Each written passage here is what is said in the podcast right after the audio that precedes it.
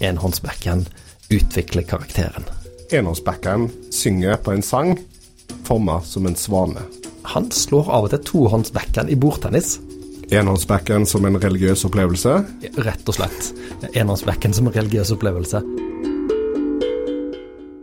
I dag skal eh, tennishistorier eh, handle om eh, valget. Er det et valg å slå en ball på backhanden med én eller to hender i 2024?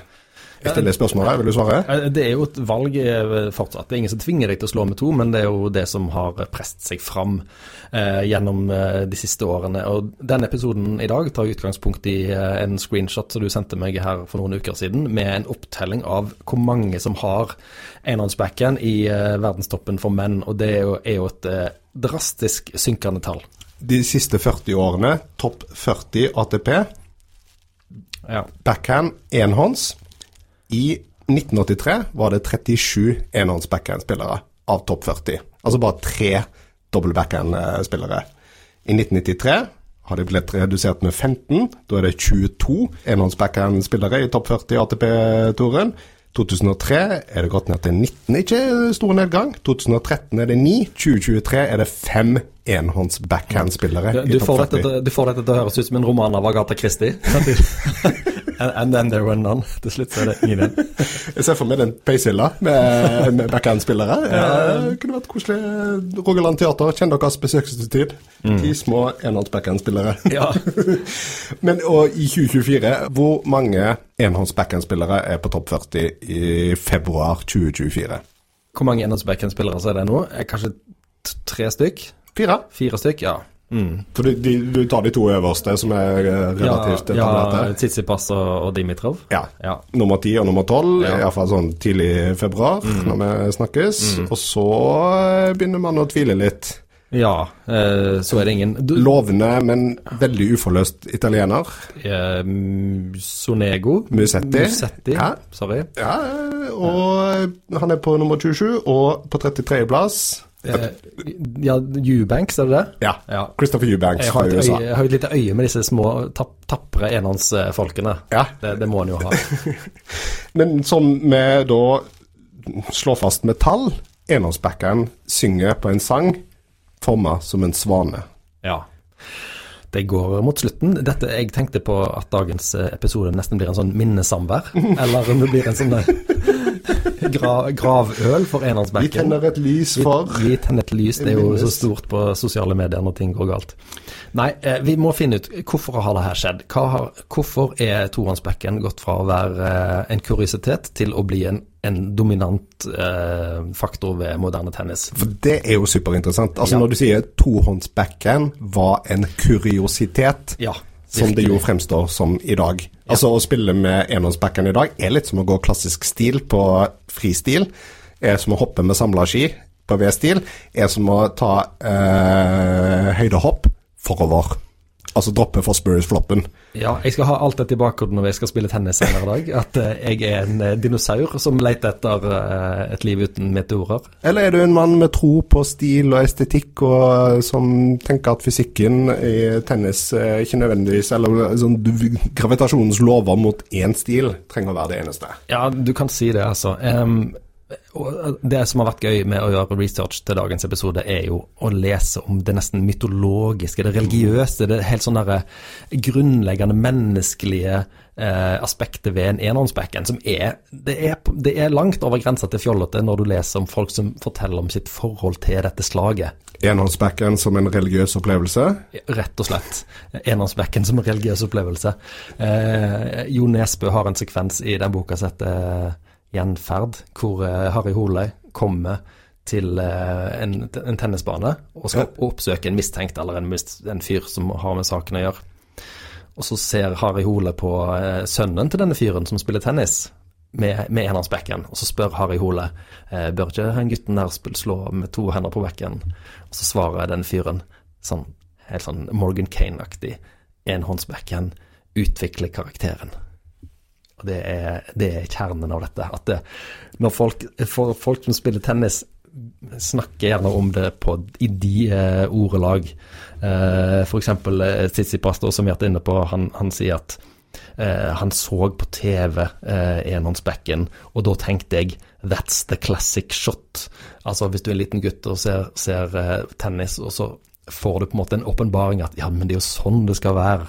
Og dette er for 20 år siden. Eh, ja, ja. Tsitsipas var en liten gutt eller eh, rundt omkring der. Han er jo rundt eh, med midten av 25-årene.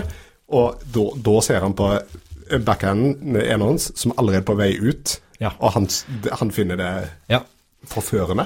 Ja, og, og, en annen ting jeg gjorde før dagens episode, var å lese litt i uh, selvbiografien til uh, min store helt, Pete Sampras, som vi lagde en hel episode om i forrige episode. Hvor mange selvbiografier har du lest om Pete Sampras? Jeg leser alt som står om Pete Sampras. Men der bruker han over Jeg hadde glemt hvor lang tid han bruker på det, men han bruker flere sider på å skrive om overgangen sin fra tohåndsbekken til enhåndsbekken. Og han, han, han bygge det her inn i et sånn større reisverk, som er sånn at han hadde en tohåndsbackhand som var veldig bra. Han var mm. blant de beste juniorene i California, som i utgangspunktet er et knallhardt eh, konkurransemiljø. Mm. Men treneren hans og faren hans sa ja, eh, du vinner kamper nå med tohåndsbacken, men hva vil du med karrieren din? Hva skal, du, hva skal, du, bruke den til? Og treneren hans hadde en forestilling om at du skal vinne Wimbledon, og for å gjøre det så må du droppe den ene hånda på bekken for å få deg en enhåndsbacken som vil gjøre deg bedre på gress. Og Sampras skriver om at ja, ok, da hadde jeg to år fra jeg var 14 til jeg var 16, hvor jeg stort sett tapte. Men jeg hadde fokus på, det, på det, de lange linjene, så jeg bare sto i det. Og det er liksom en, en fortelling om karakterstyrke, da bare i det i hvor mange hender du holder på backen. Dette er superinteressant. At, så, sånn kan vi holde på, altså. Pete Sampras kunne vært en double backhand-spiller. Uh, dette snakker vi da overgangen 70-80-tallet. Ja. Så, så, så, er han etablert som en double backhand-spiller. Ja, ja. Men lager en mytologi om at han måtte bli en enhånds backhand-spiller for å nå sitt store mål. Ja, han, han var jo, syntes det var dumt at han tapte så mye, men han stolte på treneren, som bare sa ja, men i det lange løp så er det bra for deg at du nå taper masse kamper, for det, du, den enhåndsbacken kommer til å være bedre enn en den doble mm. i, med, de, med, de, planene vi har for deg. Men du er jo en enhånds backhand-spiller, Åsmund. Ja. Hvorfor valgte du enhåndsbackhand? Si, det er ikke lov å si enhånds-backhand valgte meg. Uh, nei, det, kan, det, trenger jeg ikke å si. Jeg begynte jo med å spille med tohåndsbekken, jeg òg, men jeg syns enhåndsbekken er et mer naturlig slag. Uh, du som hører på nå, kan du gjøre meg en tjeneste. Hvis du bare reiser deg opp, ikke har noe i hendene, og så tar du den høyre hånda di, hvis det er den høyre hånda du, som er din, din uh, sterke hånd, og plasserer den på skrå ned mot venstre hofte med hjelp av muskelkraft. Og så, så gjør du armen helt slapp igjen. Hva skjer med høyrearmen din da? Jo, den vil naturlig dra seg til høyre, der hvor den hører hjemme. Så det å føre en høyrearm eh, nedenfra og bort fra den trangte posisjonen der, opp til høyre, der hvor eh, den riktige sida, det er for meg en mye mer naturlig bevegelse enn at høyre- og venstrearmen skal samarbeide om å, om å gjøre to litt ulike bevegelser på tvers av kroppen og ender opp i en posisjon hvor ingen av de er så fornøyd. Mm, nydelig. Du beskrev liksom det er en slags spenning av buen. altså Den vil tilbake ja, til ja. sin eh, utgangsposisjon. og ja. det, Du tvinger den over på feil side, eh, som vi alle blir i løpet av livet. Eh, ja. Og, og, og, jeg begynte jo Men Var du veldig reflektert rundt dette her? Nei, nei, nei, nei på ingen måte. Men jeg syns det var litt slitsomt å slå et tohåndsbekken, og tenkte ja, det må nok kunne gå an å slå med én. Mm. Og den er jo en svakhet, men hele mitt spill er jo en serie svakheter på tennisbanen, så det bryr jeg meg ikke om. Da er du litt hard mot deg sjøl. Men uh, ok. Ja, Jeg prøvde å tenke tilbake hvorfor jeg begynte å spille tohåndsbackhand. Jeg begynte å spille litt senere enn deg, eh, på eh, fast basis. Eh, og jeg husker, jeg husker, virkelig ikke. Det er ingen jeg har ingen nei, nei, idé av det, nei. ingen bevissthet. Det var bare default. Eh, det var utgangs... Eh, mm. Men, men sant, jeg har jo spilt bordtennis da jeg var liten, og der er det selvfølgelig enhåndsbackhand. og det som gjorde meg nysgjerrig da når vi skulle forberede denne episoden, var jo bl.a. det med tohåndsbacken, er det en ting i andre racketsporter? Mm. Og jeg fant ut dette er helt sjukt. Jeg skal legge link på tennishistorier.no. Det fins en fyr fra Brasil som er kjempegod, som heter Hugo Calderano. Uh, han er visstnok den beste fra Latin-Amerika i bordtennis. Han slår av og til tohåndsbacken i bordtennis. D dere må se det, det er helt utrolig. Og det fins en fyr i, i squash som heter Peter Marshall, som har tohåndsbacken. Men utenom det så er det lite tohåndsbacken. Du, du har sjekka eh, dobbeltbacken i badminton eh, squash, er det vel litt av? Jeg fant han ene Peter Marshall da, i squash. Han, Ja. han, han har tohåndsbacken i squash, men det nevnes i alle artikler om at han, at han bruker to hender. Ja. Så det er tydeligvis ikke en ting som eh, er, vanlig. Men du, din tese er at dobbel backhands dominans i vår tid, altså vi har nå fire spillere inne i topp 40, det det laveste som har vært i den, det vi har sjekka, det er kultur, altså det er gruppepsykologi, mer enn det er natur, fysikk og biologi. Nei, altså jeg skal jo ikke uttale meg med Ja, autoritet om biologi, men jeg, men jeg syns jo det er rart at eh, logikken er eh, Det er så vanskelig å slå en backhand med ei hånd at da må du bruke to. Men til gjengjeld, det er ingen som sier du må slå en tohånds forehand. Mhm. Det, nei, den, eh, høyre, så høyrearmen din, hvis du er høyrehendt, den kan helt utmerka slå en enhåndsforhånd, samme hvem du møter, men han må, men du må, den er, sva, den er ikke sterk nok til at du kan slå en enhåndsbacken. I hvert fall hvis du er en, en, en vanlig tennisspiller. Og det, der, altså, da er i så fall er jeg litt skuffa over kroppen, eller hva kroppen kan lære seg. Men ok, eh, man, kan, man har ikke så mange vekttall i fysikk. Eh, vi har eh, ikke så veldig mange Jo, vi har noen i historie. Du har eh, har grunn, grunn- grunnfag i Ja, historie. ja, eh, og mm, jeg har i eh, mellomfag i fransk, så la oss slenge det på bordet. Selv om vi ikke skal til Frankrike helt ennå. Eh, hvorfor var enhåndsbacken den dominerende i tennis, hvis vi liksom går til grunnlinjene i tennis?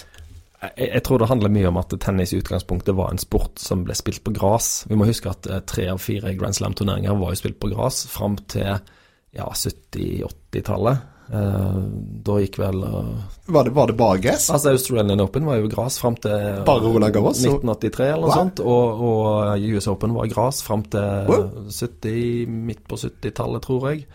Eh, og Wimbledon er jo selvfølgelig på en måte sportens uh, Buckingham Palace, eller hva vi kaller det. Det er jo den hellige gral, uh, og det er den alle vil vinne. Så um, Så gøy. Så- Nå er jo gress Apropos altså, det er det et sammenfall der med enhåndsbacken er så sjelden, så er det jo 10% og knapt nok det av ATP-turen som spilles på gress nå. ja, ja. Det er bare noen usle turneringer i mai-juni. Eh, Ja, det er vel eh, Wimbledon og Halle og den der i Newport eh, borte i USA eh, som spilles på gress. og. Ja, og, og, og da, var vel, da var vel logikken at eh, skal du bli god i serve volley, som jo er det som trengs for å vinne på gress, iallfall en gang, så, så, så har du en enhåndsbacken, for den er mer naturlig bra på slice, og eh, du har en lengre rekkevidde, osv. Uh, dessuten så var det jo ikke sånn at en avgjorde kampene med eh, grunnlinjeutmatting, sånn som en holder på i dag. Altså Poengene var ganske korte, og de ble, målet var å komme seg fram til nett og få satt en volley. Eh, så, så det er jo ting som har skyldes eh, mye teknologi. sant, At eh, hardcourt tving, tvang seg fram, og en fikk baner med eh, høyere sprett. Eh? En, en større deler av spillet foregikk i skulderhøyde. Og det er vanskelig å slå en enhåndsbacken eh, over, eh, over komforthøyden.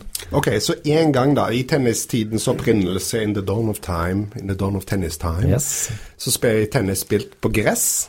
Ja. eh, som en serve- og volley-sport som gikk veldig fort. Mm. Og enhåndsbacken var det naturlige slaget. Yes. Eh, jeg liker bare å se for meg en verden fylt av gress hvor det spilles tennis på den. Ja, jeg, vet jeg vet ikke om å se for oss masse lavtlønte sånn lawn keepers som skal holde de banene veldig fine for oss. ah, det må ikke alltid være så politisk korrekt. Dette- altså, de hadde det- moralsk uflaks, som det heter veldig Altså, de, Ja. Mm. de levde på feil tid. Men for oss som ser tilbake, vi kan se gresset, Ja. og så kan vi ignorere arbeiderne. Våre navn er ikke Mimer og Marsdal.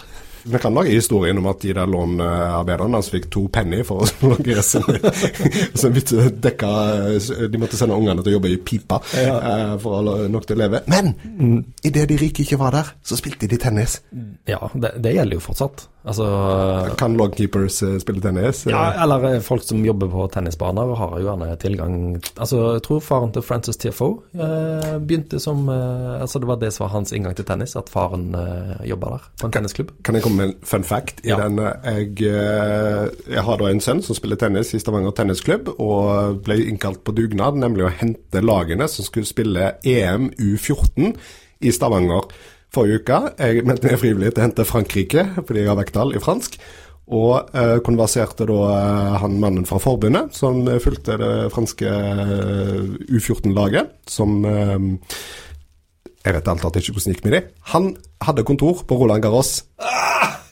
Og det var bare Og han sendte en sånn gruppechat. Han samla kompisene sine, så spilte de grustennis. Oh, herregud. Det var veldig få turneringer der. Det var, mye, det var en trening, men det var to. Men eh, ja. Steike meg. ja. Ok, så men, men, men i denne eh, tiden der eh, gress eh, dominerer, ok, er, det, er det bare naturlig? Det er noen som taler imot, vel? Altså racketene da? Ja, altså, racketene er jo drittunge. Du må huske det at før, i riktige gamle dager, så fantes det ikke, så vidt jeg har fått med meg, noe som heter barneracketer. Folk spilte med de samme racketene fra de var ganske små, og de var lagd av tre, og de var tunge som bly. Så egentlig så er det jo rart at tohåndsbacken ikke tvang seg fram tidligere. Um, og, i tillegg så, så har en jo det er ikke sånn at tennis er den første idretten hvor en holder to hender i den tingen du bruker. Altså ishockey, tohåndsslag. Cricket, tohåndslag. Baseball, tohåndsslag. Altså, Fin- Fins det backhand i cricket og baseball? nei, men altså, du, du, du slår jo en ting med to hender. Det er, okay, ja, altså sånn at du, du, du skal denge til noe. Ja. Eh, så at, det ingen, at ikke flere gjorde det i tennis, med gitt det tunge eh, tennisutstyret de spilte med, det syns jeg er litt rart. Men da åpner vi ei dør til eh, doble Ja, for den er gammel. Nå skal vi langt tilbake i tid. For hvordan kom den doble backhand inn i tennisen, liksom? Hvem er eh, double backhands Jan Boklöv? Jo, det er faktisk to spillere fra Australia, og Australia er jo, for dere som eh, har sett på tennis noen år, er jo de glade nettrusheres land. Eh, Mark Filipposes og Patrick Rafter og eh, Alicia Mollick og disse her. Men på 1930-tallet så var det en kar som heter Vivian, eh, herrenavn, Vivian McGraw, som spilte med tohåndsbacken. Og det ble jo lagt eh, veldig merke til, og, og han fikk en type eh, tilbakemelding på den tohåndsbacken som jeg tror er veldig typisk for dette tiåret, og egentlig alle tiår fram til 1970. Der står det at eh, i samtidige kilder at eh, han har eh, den beste backhand i verden, Vivian McGraw, men det er ikke et slag jeg kan anbefale noen andre, for han bruker to hender. Og jeg tviler på om én av tusen mennesker kunne fått til å, å slå ballen eh, med to hender bedre enn med ei hånd. Så eh, folk har blitt sett på Når, er dette skrevet? ja, dette er jo, han, eh, dette er jo i 1935. Av, okay, ok, så, så, så, så, den tennisskribenten tviler da på at mer enn én av tusen Yes. kan få et mer effektivt slag med to hender enn med én? Ja, og dette, dette- er bra. dette Ja, altså Forfatteren her heter Wilmer Allison. Han vant US Open i 1935, så han er ingen dust. Eh, og han har skrevet ei instruksjonsbok som heter How to play lawn tennis, altså lawn, eh, gra grastennis. Det er der han skriver at eh, ja, ja, Vivian McGraw han kan vinne så mye Grand Slams han vil med to hender, men det er jo bare en tilfeldighet. Dette er unntaket Dette er som unntak. bekrefter enhåndsregelen. Yes, Det er veldig, veldig gøy. Ja. Det er liksom sånn uh, En annen verden er mulig? Nei, Mm, nei, nei, nei. fins ikke. Vi kan spise de rike? Hell no, sa han. Kapitalisme vil vinne til slutt. Ja. Ok, Ja. så Vivian McGrath er, det, er the founding father, den grunnleggeren av uh, double backhand, i en tid der det var like rart som å tillate kvinner å jobbe, liksom. Eller, så, Ja. altså, det var helt fremmed. Ja, det er helt riktig. Og, og, og så skjer det eh, faktisk at det finnes en annen australier som er akkurat hjemgammel, som heter John Bromwich. Han nå hadde tohåndsbacken og vant Australian Open i 1939 og 1946. De må ha møttes. Si det, si det. Ja, det, det er utrolig. Men altså, en, en slags eh, eh, holy grail av tohåndsbacken er jo finalen i Australian Open i 1937. Da møtes disse to, eh, Vivian McRaw og John Bromwich, og McRaw vinner med de veldig typiske sånn 1930-tallssifrene, tror jeg. 6-3, 1-6, 6-0, 2-6, 6-1. Er sånn, hvis du taper første uh, gamet, så bare legger du deg? Altså det er liksom sånn ah, Dette, dette setter jeg kjørt. Ja, helt sjukt. Uh, ok, så, så, så, type på slutten av 30-tallet så er det to knallgode ja, double backhand to veldig gode double backhand-spillere. I Australia. Og en skulle tro at da er liksom dørene til uh, tohåndsriket åpna, men den døra sto ganske knirkete stengt, ja. Det er jo veldig lang vei fra Australia til den siviliserte verden, så det kan jo hende at det ikke nådde fram nyheten om dette. Eller, uh, kanskje, det, kanskje det ble sett på som myter og sagn, for de hadde jo ikke video og TV den gangen. det var YouTube oppfunnet mange år senere. Um, ja, ja. For det er ikke sånn at deres double backhand-suksess da starter en double backhand-revolusjon på 30-40-tallet i tennis. Nei, det gjør ikke det. Det åpner seg en liten råk i enhånds backhands-universet. Ja. ja. det er helt sant. Men det tetter seg igjen. Det tetter seg igjen, og du får jo veldig markante spillere på 60-tallet, og alle de er jo elegante enhånds backhand-spillere, sånn som Rod Laver, selvfølgelig, sant, og, og, Roy Emerson og sånt. De vinner masse, og de er, har så flotte enhånds backhander. Altså, så sent som i, i, i 1969 så kommer det ut ei bok som heter Metzlers Tennis Style and Stylists Står, kan du si det en gang til? Ja, ikke etter jeg har drukket noe, iallfall. Metzlers Tennis, kolon, Style and Stylists fra 1969. Eh, der står det at uh, tohåndsbacken uh, hadde en liten sånn vårløsning på 30-tallet i hendene på en eksepsjonell unggutt, denne McGraw. Og så står det så veldig sånn tørt, jeg kan lese det på engelsk, for det er best på engelsk, at tohåndsbekken was given a trial of over 20 years and has been little seen since. Altså liksom mm. døgnflue innenfor sporten. Så, eh, så sent som i 1969 så var tohåndsbekken ansett som eh, noe rart de holdt på med i Australia eh, en gang i tida. Veldig gøy. Og da eh, er vi vel litt i overgangen fra eh, the closed to the open era. Jeg vet ikke om det kalles perioden før the open era for the closed era? Nei, jeg tror ikke. Jeg Nei? vet ikke om det har noe Da kaller jeg den opp nå. The Jolly Holidays eller noe annet. the Jolly Holidays. Ok, så nå er jeg eh, klar for et comeback av dimensjoner. Dette lille rare slaget som bare én av tusen eh, kunne klare når, som Vivian McGrath eh, fikk til på 30-tallet. Mm, mm. Gjør det et grusomt comeback? det gjør et grusomt comeback. Og hvis vi bare tar en fot i bakken her, da, ja. så lurer jeg litt på at meg og deg er jo for unge til å huske dette. Men om jeg har en slags følelse av at, at uh, tohåndsbacken kanskje var en slags um, stadie i unge tennisspilleres liv så de måtte kvitte seg med etter befaling fra treneren sin. Mm. Altså, det er jo nok å se på en gammel trerekkert, jeg har en sjøl, uh, og gi den til en 20-åring som skal spille tennis. Hvis ikke du lar den ungen slå med to hender, så er du ubarmhjertig. Mm. Så jeg vil tro at tohåndsbacken har vært en ting som har levd kanskje i um, uh, i barnetennisen, mm. men at, at, det har vært litt sånn Nei, nå, du, nå, må du slutte med Ikke med bleier, men du må slutte med tohåndsbacken. Nå mm. er du stor nok til å slå med ei hånd. Å, du har fått så sterk arm. Se, nydelig, bra. At det var sånn overgangsrite, da. Dette høres ut som sønn jeg har dratt og dytta på denne sykkelen din lenge nok. Eh, nå eh, slipper jeg deg. You're on your own to, to hjul nå, liksom. Det, du har ikke den støtten lenger. Eller er det kanskje mer riktig med ja, støttehjul? støttehjul, ja, ja.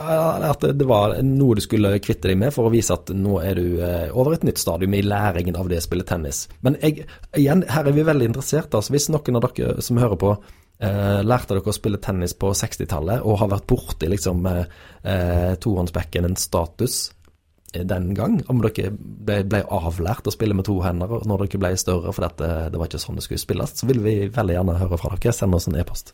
Fordi, Men fantes det Altså, når vi er nå på 70-tallet uh, Bjørn Borg spilte jo double backhand. Altså, det må ha begynt Det har pipla fram i toppen nå? Ja, det er, det er ett år her spesielt som uh, er helt banebrytende når det gjelder tohåndsbackenens gjennombrudd.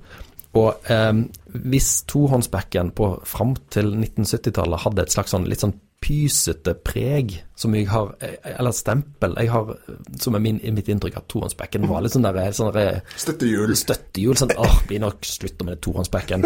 Så fikk han jo tre helt sånn kanonkule eh, ambassadører i 1974.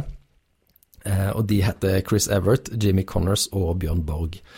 70-tallet eh, er jo ansett som uh, tennisboomens tiår. Det er det tiåret eh, vanlige folk begynner å spille tennis. Det kommer liksom ut av det der hvitkledde country club eh, eh, sausen som det har vært før. Det blir en folkesport, og du får disse karismatiske utøverne, ikke minst. Litt som de, når eh, Hollywood går fra, eh, fra disse egenrådige regissørene med Steven Spielberg og eh, Yes. Coppola og sånn, som eh, skaper en helt ny vind, så, så endrer tennisen karakter. Ja. Den blir spillerdrevet, eller eh, hva- Det, det blir, det blir mye mer vanlige folk, kulere folk som driter litt i tradisjonene, som spiller med langt hår, og som spiller med tohåndsbacken. Det er veldig gøy at du Det er litt sånn Born to, Born to be wild. Eh, Ja, Double backhand. Eh. Ja, altså, det er jo 1969 som er Woodstockens år og alt det der, men, men tennisens motkultur kommer for fullt på 70-tallet. Og det som skjer i 1974 er jo da at Connors vinner eh, Australian Open, Wimbledon og US Open med tohåndsbacken, og Bjørn Borg vinner eh, Roland Garros med tohåndsbacken. 74 er året da double backhand vinner alle de store slamma, eh, alle slammene på herresiden. Ja, og det er i år eh, akkurat 50 år siden, så det er jo et eh, slags jubileumsepisode vi er inne i, kanskje. Hvis Sports Illustrated i 1994 kan spørre Is tennis dying, så kunne de vel eh, hatt det forsida When double backhand was born. Ja, 50 years det ago today. Og altså, både Jimmy Connors og Bjørn Borg de ser jo ut som verdens kuleste menn når de gjør dette her. De er skjeggete. De har sånn, Connors hadde litt sånn, litt sånn dra til trynet, litt sånn bad boy-image. Eh, det er overhodet ingenting eh, støttehjulaktig med måten de slår tohåndsbacken på. Og mange eh, peker jo på finalene i, i Wimbledon og US Open, og begge de to så spilte Connors mot eh, en australier som heter Ken Rosewell, som var 41 år, tror jeg, og var en del av den gamle adelen. Han hadde hatt sin storhetstid på 50-tallet, og alle syntes det var så stas at han kom til finalen igjen. Og det er nesten smertefullt å se de klippene på YouTube av de finalene mellom Connors og Rosewell, For Connors han går rundt som en, han ser ut som en ulv, og som har fått et, et, eh, rosmaringlasert lam til, til middag. Det er altså sånn eh, Ut med den gamle driten. Eh, dette er den nye verden. Velkommen, gamle gubbe, liksom. Det er, så hvis du, hvis du var i tvil eh, når du så på de kampene der og var barn, om kan jeg spille tohåndsbacken, og treneren min syns ikke det er noe lurt og kult, så kan du bare peke på den finalen og tenke at eh, greit, jeg holder meg til to hender. Ah, Gud, jeg elsker ulv, eh, rosmarin, eh, lam, eh, metaforen din. liksom, men det er nesten Altså, det, det liksom hva, det, det blir massakre. Det er liksom pil og bue møter maskingevær. Yes, det er akkurat det det er. Du har Spør kan med, med, med, sin sideskill og sin flotte backhand slice mm. blir bare blåst av banen av denne unge jyplingen med to hender. Eh, og for sikkerhets skyld så vinner jo eh, eh, Chris Everett vinner vel to eh, Grand Slams det året, og er i finalen i en tredje med tohåndsbacken. Og, og, og eh, Connors og Chris Everett er jo da i tillegg forlova, sant. De to beste tennisspillerne i verden er forlova med hverandre. Eh, det er liksom Det er som David Beckham og, Posh Spice, hvis Posh Spice hadde vært verdens beste i sin idrett. Så stor var deres eh, status. Det er veldig gøy. Eh, dette dette jo, har jo noen skrevet manuset til. For å skal, altså, om, om sånn tennis blir en mer sånn eh, En kulere sport da, enn for, for allmuen. Eh, vet ikke om du har sett den videoen som ATP-turen har Ja, lagt den, ut? den er veldig stille. Den er veldig gøy. Ja, ja. Og det beste, beste av de til å spille er virkelig Djokovic. Han, Ja, han, ja, steinbra. Han er steinbra. Ja, ja, ja. Og det er så kult at han senker seg ned og blir med på dette her. Altså, jeg hadde tillatt han med 24 slams i boka, så kunne han sagt jeg driter i den skitten der. Finn Rublev og Tsitsipas og han der duden fra Norge, så kan de gjøre det. Og liksom, så er det, Nei, jeg er med. Jeg river i stykker treet. Jeg er helt enig. Det er kjempebra. Um, ok, så i 1974 er double backhand, om ikke sånn etablert, for den holder seg jo ganske bra ut på Altså det, det som du nevnte, Pete Sampras, velger enhåndsbackhand. Ja, ja, altså til og med Federer. Altså, det nok av folk som har vunnet slams med enhåndsbacken Ja, ja. senere, men det er det. Men, men tendensen altså fra 1983, da når 37 av uh, topp 40-spillere var enhåndsbackhand, fram til uh, vår tid, uh, hvor det er fire, så er det en utvikling. Ja, det er det absolutt. Um, og I dag så er det vel ingen som begynner med enhåndsbacken, med mindre de har en veldig spesiell grunn til det. Og jeg vet ikke om trenerne heller tillater de å spille med enhåndsbacken når de er små? Det, vet, det, det, det, skulle, det skal jeg spørre. Jeg har jo en sønn som spiller aldersbestemt tennis, og det fins ikke det slaget. Jeg vet om én spiller som han har møtt nå i uh, type U12, U14, som har enhåndsbacken. Mm. Så det, det, det, det, ja. fins ikke. Men Nei. Du vil jo kanskje ikke skille deg for mye ut som barn heller. Altså, om det er treneren som instruerer de veldig hardt, eller ja, men det tipper jeg. Jeg tipper jo at altså, Hvis du skal lære opp ei gruppe De har jo ikke eh, personlig trener. Nei. Du skal lære opp en gruppe til å spille backhand og instruere de. Mm. Hva tar du da? Ja, Du tar jo det som er det flertallet foretrekker. Del dere i to grupper. De som vil spille enhånds backhand, de kan uh, gå bort Vi har ikke så mange trenerkrefter heller. Så nei, nei. Det, det, det, tror jeg bare liksom er litt som at du lærer å lese på én måte. Du har ikke mm. Hvis du har én lærer i klasserommet. Ja, og Utover 70- 80-tallet så, så, fortsetter jo tohands backend-spillerne å poppe opp. og det, De blir uh, store idoler. og de, uh, Mange av de går jo på en måte i de samme uh, akademiene. sant? Dette Boletieri-akademiet i Florida og sånt, som, som har sin måte å trene tennis på. Som mm. ikke, som ikke forbyr tohands backend, men kanskje, kanskje spillerne i dag er mer opptatt av å få en for tidlig suksess. Altså du vil du vil henge med fra begynnelsen av, resultatmessig. Mm. Og da velger du tohåndsbacken. Uh, men jeg syns det er interessant med tennis at uh, selv om tohåndsbacken kom, uh, og er mer anvendelig for de fleste, så, så lever liksom enhåndsbacken likevel litt, da. Det er ikke sånn Mens i Det er jo ingen i, i høydehopp, som du nevnte i begynnelsen, som i dag vil hoppe noe annet enn Fosbury flop det, det, det, er liksom no go. Du, du kan ikke vinne OL-gull ved å hoppe sånn som de gjorde på 60-tallet. Eller komme i bunn bakken med samla ski.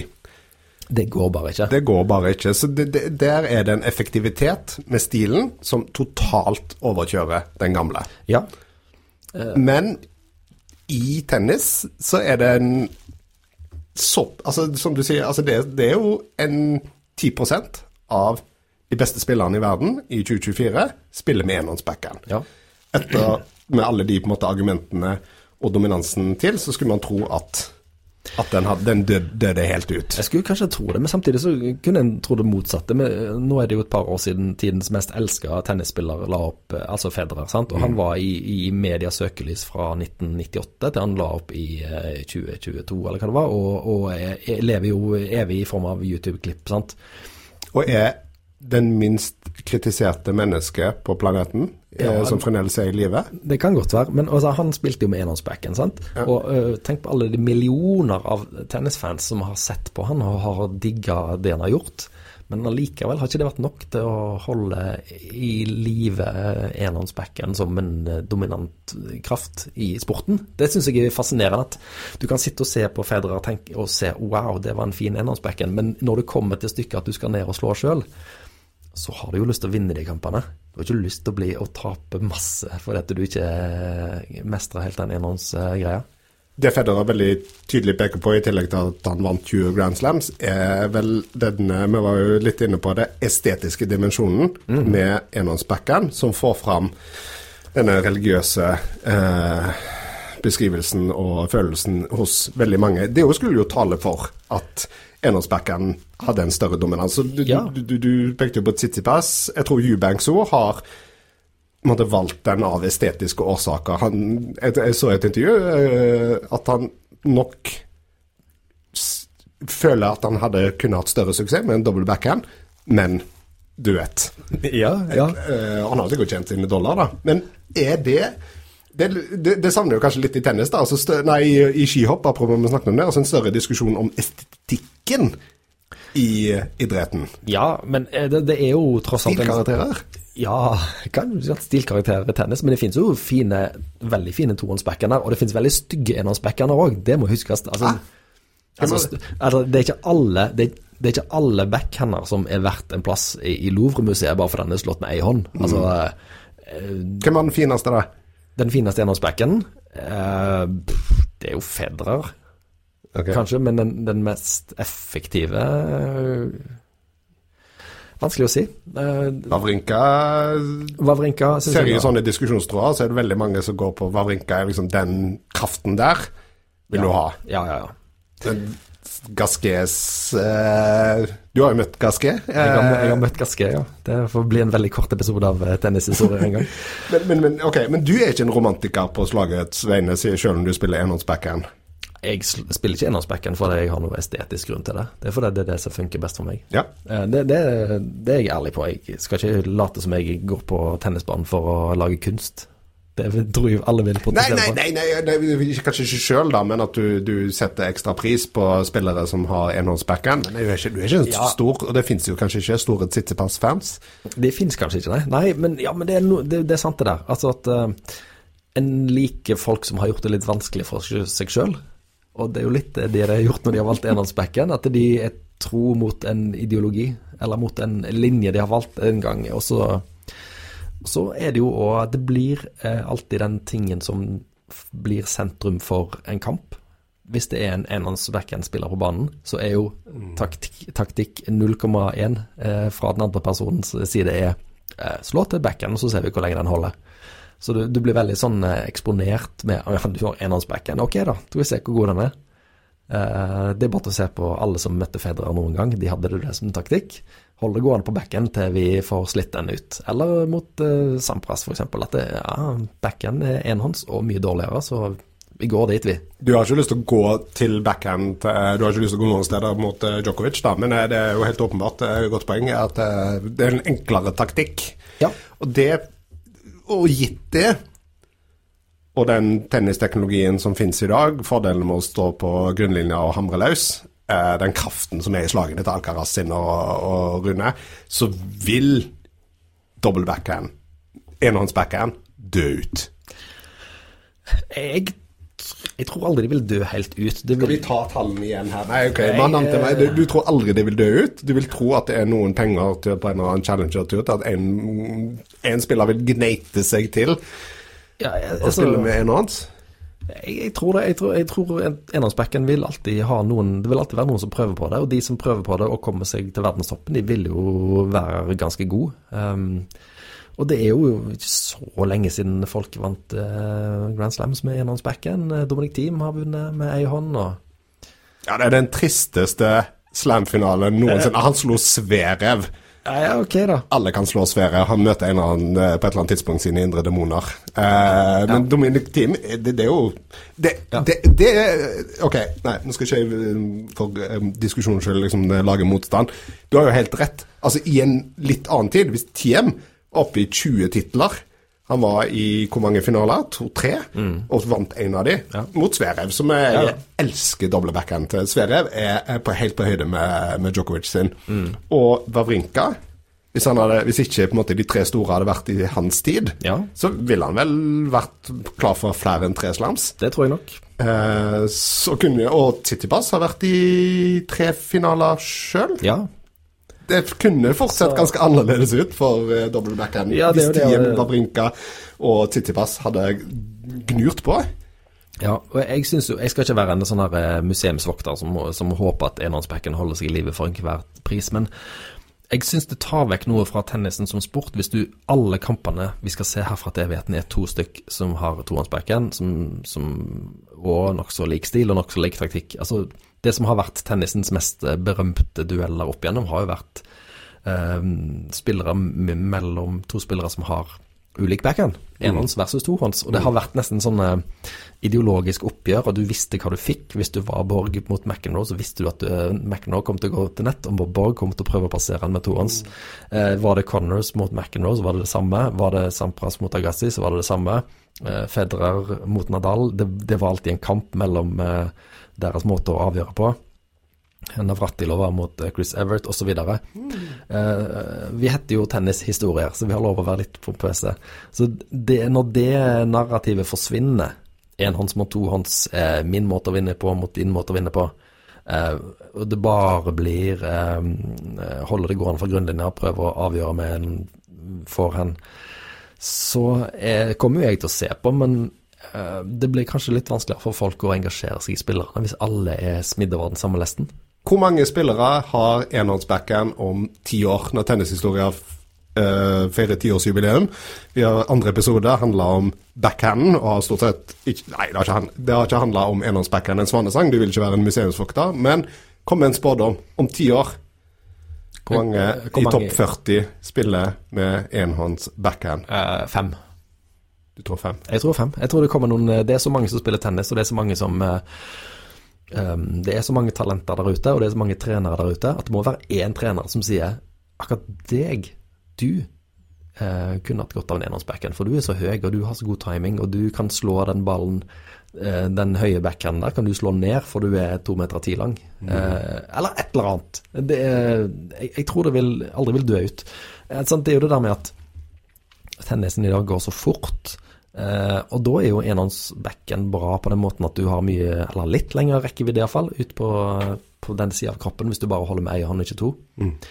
Eh, og det er jo fortsatt sånn, tror jeg, at du blir en mer naturlig volleyspiller, nettspiller, av å ha en enhåndsbacken, for da er du vant til å bruke den armen på alle mulige vis. Uh, og du er aldri i tvil om hvor mange hender som skal holde på uh, racket når du slår. Du slipper å, bestemme deg for om du skal slippe venstre hånd eller ei. Du, du, du slår med ei hånd. Så jeg, jeg, er ikke klar for å begrave enhåndsbacken helt ennå. Vi har nådd bunnen, og herfra så holder vi oss på bunnen. Det var jo virkelig Ja, ja. sånn årsmøte i Esperantoforeningen og enhåndsbackhand-gjengen. Det var sånn Ok, vi er så få nå at det er nesten ikke fysisk mulig å bli færre. Du vet, nå skaves det av. Vi kom til de der siste fem kjeksbitene i sikta. De første eh, små, de var drystet ut. Men Ja. de siste fem, de Ja. er, de er seige, ass. Seige. Men, men, men det var en ting eh, vi ikke fikk sagt i begynnelsen her, og det var rett og slett definisjonen på en tohåndsbacken. Eh, For den er ikke så enkel som vi kanskje okay. skulle tro. Okay. Altså, Dette det, er sånn bonusspor. Ok, uh, vi tar bonusspor nå. Definisjonen på en tohåndsbackhand. Ja, det er antall hender som holder i racketen idet du treffer ballen. Det mener jeg er definisjonen på om du har enhånds- eller tohåndsbackhand. Ok, forklar. Eh, Ja, altså, alle backhander er tohåndsbacken på et tidspunkt. Altså, ser du på Vavrinka, så, hold, så bruker han venstrearmen til å dra racketen Ah, bak, ja, ja. men han slipper eh, racketen med venstrehånda eh, et nanosekund før han treffer den. Han, han bruker venstrehånda til å rotere hele overkroppen bakover. Det samme gjør Gasquet, f.eks. Ja, Um, okay. Eh, og eh, hvis du tar f.eks. en sånn som Bjørn Borg, han slapp jo venstrearmen rett etter at han hadde truffet ballen. Altså Han, han Ja. hadde to hånder akkurat da han traff, men så slapp han venstre hånda. Det samme gjorde Villander, f.eks. Eh, mens mer sånn Djokovic og Murray, de holder vel begge hendene på racketen hele veien rundt. Eh, og, det, og nå snakker vi kun om offensive toppspinnslag. Altså, alle slicer jo, med én hånd. Der er det ingen som slicer med to. Nei, og, og, og slicen ja, Vi vi har jo varsla en egen episode om slicen, men ja, det er jo et slag. Altså Hvis man deler det inn i forhånd, altså slår det på den, eh, den dominante sida av kroppen eller den eh, ikke-dominante det er det, Hvis man deler i de to, forhånd backhand, så er jo slicen en enhånds backhand. Slicen er en ai, ai, ai. Så Tohåndsbacken For er et comeback for enhånds backhand! Nei, altså tohåndsbacken er det offensive toppspinnslaget på backhand-sida, altså de eh, non-dominante side. Um, og, og, så det er egentlig bare Det er bare den ene lille arenaen tohåndsbacken har å skinne på. Det er de offensive slagene på eh, der. Jeg følte eh, du tok enhåndsbackhand ordentlig tilbake? Jeg, jeg følte kista var på vei ned i graven. Jeg reverserte den hydraulikken der, og nå er enhåndsbacken opp igjen. Og skal se han sprett ut av kista snart. reverserte. Hvis du, du, nå, ble du, nå ble du veldig høy. Jeg vil heller si at den der senkemekanismen den jammer seg. og alle står og liksom ikke helt vet uh, Ok, vi var i ferd med å komme ned jorda her. Ja, Eh, Joel og Ethan Cohen, lag en tennisfilm for fader! Ja, vær så Og Jeg har lyst til å se den scenen der noen begraver enhåndsbackhanden, og, eh, og senkemekanismen jammer seg til Åsmunds profetiske ord. Alle slår enhåndsbackhand, for det er en slice. Ja. Nydelig. Ja. ja, hvis- dere vil lese mer om alt det vi har snakket om nå, så legger vi ut eh, kildelista vår på tennishistorier.no. Der kan dere lese alle disse morsomme reportene fra 1930-tallet og deres dom over tohåndsbacken, f.eks., eller intervju med en eh, og veldig lovende spiller på 60-tallet som vi ikke rakk å snakke om, eh, som var spådd å være det nye store, men som ingen hørte om senere. Men han lever videre fordi han brukte tohåndsbacken, og det var det ingen andre på 60-tallet som gjorde utenom han her fyren. Mye rart vi den finner når han begynner å dykke ned i tohåndsuniverset. Jeg sitter igjen med navnet Vivian McGrath, eh, som du kan google. Jeg sitter igjen med året 1937, den store double backhand-slam-finalen i Australian Open, og året 1974. 1974, da kommer punkerne til byen. Med to hender. Med to hender. På den dominante sida av kroppen. Yes. Og all hell was loose. Etablissementet røyk eh, sånn, eh, Fem år etter at Paris gata var fulle av brostein, så var eh, tennisgresset på vei eh, å bli belagt med betong. Sånn var det. Akkurat sånn var det. Du har tennishistorier med Åsmund Odnøy og Jostein Gjertsen med en tennispodkast som eh, tar opp tennishistorier, hence the name. Vi er tilbake om innen en måned. Det er, det er superambisjonen. Eh, har du tips og ønsker om ting vi skal prate om i tennishistorier? Det må være relatert til da, historie. Vi snakker ikke om eh, ting som skjer akkurat nå. Vi nevner det i forbifarten. Ønsker du om en spiller, et år, et uh, emne vi skal ta opp, send en e-post til postkrøllalfa.tennishistoria.no. Og vi svarer enten i podkasten eller på e-posten. Er vi Yes. veldig høflige? Ja, med begge deler. Ja. Vil du si de avsluttende ordene? Snakkes. Snakkes!